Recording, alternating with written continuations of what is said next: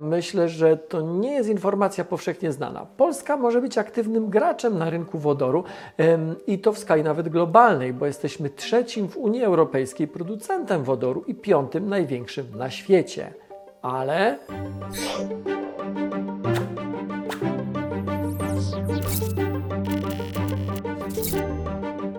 Dzisiaj wyjaśnię, dlaczego rewolucja wodorowa jest tematem tak zagmatwanym.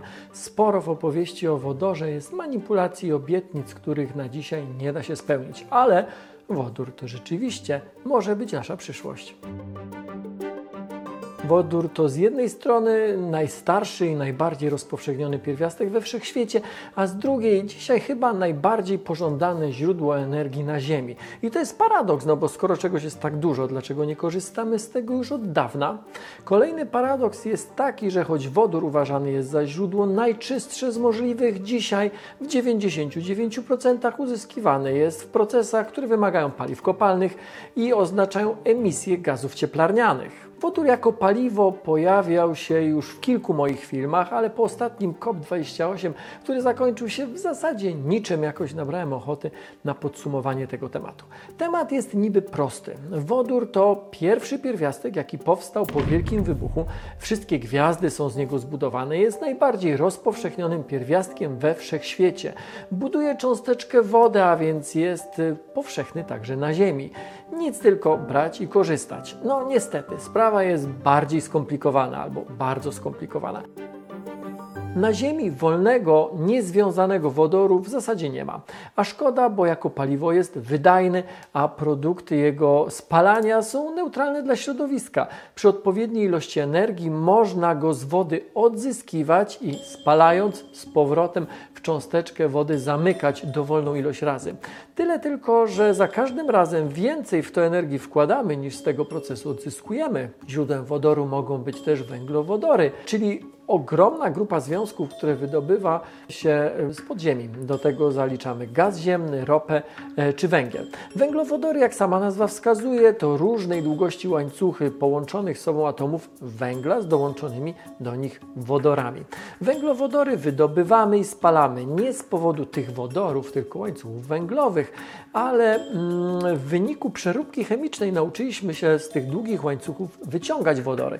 Tyle tylko, że w całej tej rewolucji nie chodzi o to, by wydobywać paliwa kopalne i pozyskiwać z nich wodór przy emisji CO2, ale by nie wydobywać paliw kopalnych. Gdyby dzisiaj zatrzymać wydobycie i przeróbkę paliw kopalnych, znika 99% wodoru na rynku, bo 99% wodoru na rynku jest z paliw bardzo niezielonych. Istnieją wciąż nierozpoznane złoża czystego wodoru, ale droga do ich zmapowania i wydobycia jest bardzo długa. Może się też okazać, że ich ilość jest niewystarczająca do tego, by przeprowadzić wodorową rewolucję. A zegar przecież tyka. Sprawy bardzo nie ułatwia fakt, że wodór jako najmniejszy atom jest w magazynowaniu czy transporcie bardzo kłopotliwy. Jest mały, łatwo ucieka, no ale tę lekcję już mamy chyba odrobioną i mamy zarówno materiały, jak i procedury, które pozwalają w bezpieczny sposób się z wodorem obchodzić. Po to, by wodór mógł być realną alternatywą, a nie tylko ciekawostką, jego cena musi być niższa. A na wysoką cenę wpływa wiele czynników, w tym te, o których przed chwilą powiedziałem. Rachunek ekonomiczny jest więc kluczowy i nieraz już był powodem zamykania wodorowych projektów czy tych e, lokalnych, czy tych w skali regionalnej. Tak było ostatnio w Wielkiej Brytanii, czy chociażby na Śląsku, gdzie mimo dofinansowania do autobusów wodorowych przyznanego przez Narodowy Fundusz Ochrony Środowiska i Gospodarki Wodnej, władze regionu zamierzają, czy rozważają wycofanie się z projektu po podliczeniu wszystkich kosztów.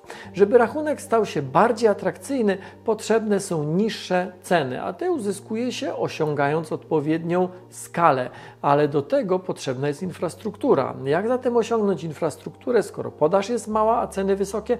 No i to jest błędne koło. By zachęcić do inwestowania w technologie wodorowe, w październiku 2021 roku opublikowana została Polska Strategia Wodorowa. I tutaj ciekawostka, myślę, że to nie jest informacja powszechnie znana. Polska może być aktywnym graczem na rynku wodoru ym, i to w skali nawet globalnej, bo jesteśmy trzecim w Unii Europejskiej producentem wodoru i piątym największym na świecie. Ale No właśnie, zawsze jest jakieś ale.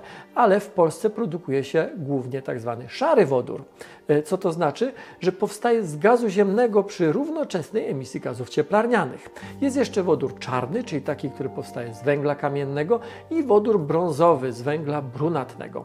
Wodór niebieski to taki, który powstaje z paliw kopalnych, ale przy wychwycie CO2, a zielony to taki, który powstaje z rozbicia cząsteczki wody, ale to jest bardzo ważne przy użyciu energii odnawialnej. Jest jeszcze wodór biały, to ten z naturalnych złóż geologicznych. Te różne kolory nie oznaczają, że wodór jest jakiś inny. Cząsteczka wodoru zawsze jest dokładnie taka sama. Te kolory mówią, czy przekazują raczej informacje, w jakim procesie wodór został pozyskany. Mamy więc sytuację taką. Mimo obiektywnych trudności z transportem i magazynowaniem, udało się pokonać wszystkie, przynajmniej te kluczowe. To jest pierwsza sprawa. Sprawa druga, wodór jest bardzo dobrym paliwem, tyle tylko, że nie mamy wodoru. I to jest kolejny paradoks tej całej historii. Można go produkować z wykorzystaniem paliw kopalnych, ale nie o to w tej rewolucji chodzi. Możemy też liczyć na znalezienie jego naturalnych złóż, ale nawet gdy takie znajdziemy mm, odpowiednio dużo i odpowiednio duże na stworzenie technologii wydobycia, może, by- być może będziemy musieli po prostu bardzo długo poczekać. Pozostaje więc wydobycie go z wody. Ale, no właśnie, tu zawsze gdzieś jest jakieś ale. Czy to ma sens, skoro wyciąganie atomu wodoru z cząsteczki wody kosztuje energetycznie więcej niż uzyskanie energii ze spalania go? Otóż moim zdaniem ma sens. I podam prosty przykład. Wczoraj Polska miała nadprodukcję energii z powodu silnego wiatru. Cena energii była ujemna, czyli obrazowo mówiąc, ktoś, kto mm, e, odbierał energię, dostawał za to dodatkowo pieniądze.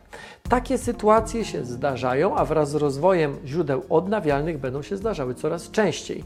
Turbiny wiatrowe czy panele fotowoltaiczne nie są źródłami stabilnymi i to stanowi ogromne wyzwanie, ogromną trudność dla stabilności systemów energetycznych. I tu pojawia się wodór. Nie tyle jako źródło energii, ile raczej jako magazyn energii. Zamiast więc płacić komuś za odbiór prądu, gdy mamy go za dużo, tę nadwyżkę można byłoby zmagazynować w wodorze, czyli innymi słowy wykorzystać tą energię do rozbijania cząsteczki wody. Tlen może iść do atmosfery, mamy go tam coraz mniej, a wodór do magazynu. Gdy zapotrzebowanie na energię będzie rosło, wodór z magazynu może być spalany, dostajemy energię i czystą cząsteczkę wody, którą możemy wypuścić do środowiska, jeśli chcemy. Wodór z magazynu może być wykorzystany na wiele sposobów, niekoniecznie w energetyce, ale na przykład w transporcie. A tamten proces jest identyczny. W jednym z moich filmów pokazywałem wodorowy samochód Toyota Mirai i to, że z jej rury wydechowej wylatuje czysta woda. Być może kiedyś każdy, kto ma panele fotowoltaiczne, e, będzie mógł kupić niewielkie urządzenie do własnej produkcji wodoru. Taki wodorowy powerbank. Być może będzie można z niego zatankować na przykład wodorowy samochód. Na razie takich urządzeń nie ma, ale kto wie, co przyniesie przyszłość. Materiał został zrealizowany w ramach projektu Myśl po polsku, który ma za zadanie zwiększyć świadomość społeczną w zakresie rozwoju techniki i innowacji oraz wdrożenia nowych rozwiązań technicznych w gospodarce.